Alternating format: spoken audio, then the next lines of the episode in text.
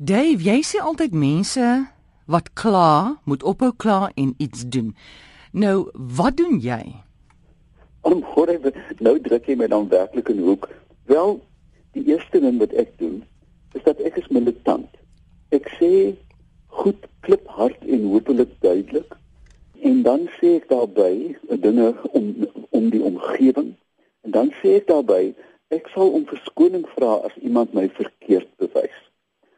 Maar weet jy, amore, daar het 'n wonderbaarlike ding in my lewe gebeur deur middel van 'n ou skoolvriend van my wat onlangs in Uganda vriend genoeg by my gekom het met 'n aanbod wat ek dink my en hooplik ander mense se lewens gaan verander.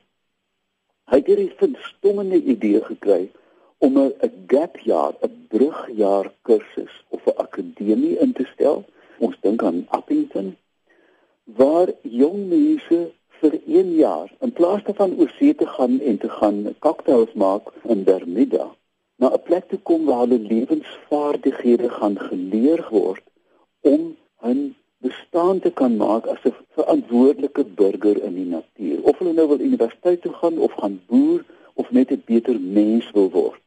Gaan hierdie plek vir hulle leer en sê dit is waar ons staan, dit is hoe ons moet staan en dit is wat ons moet doen om volhoubaar te lewe ek is so opgewonde want want ek het natuurlik nou dadelik begin kursus skryf, maar ek dink aan dinge soos ekotourisme. Wat kan ons doen om volhoubaar om te gaan met ekotourisme? Hoe lyk die man of die vrou wat vir ons kom kuier? Want ons kan nou profiele trek en daarvolgens kan ons beplan. Wat is bewaringsfilosofie?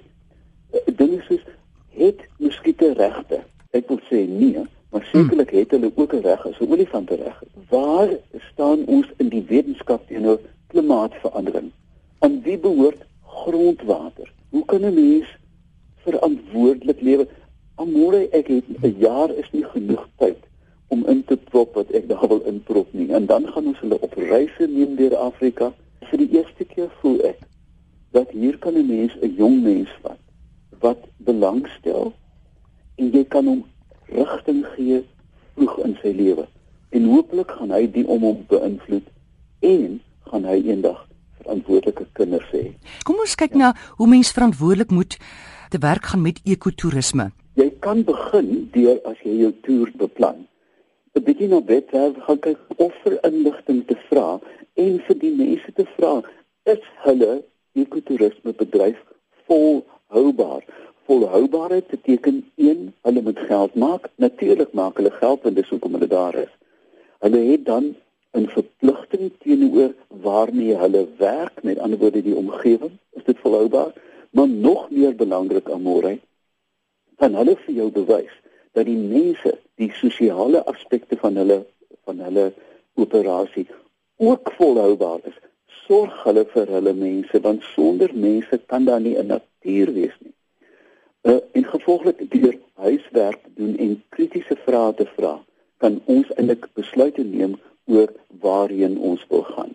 Een van die groot probleme van ekotourisme is dat die die fondse wat ingesamel word, wentel nie noodwendig af na die mense wat ook toegang daartoe moet hê nie.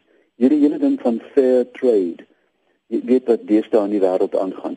Die produsent van koffie of van tee of van by ons die, die ons boere wat rooi vleis produseer, kry 'n fraksie van die van die rakprys en ons moet die ding begin verander dat daar geloofwaardige verdeling van die profete reg deur die spektrum is.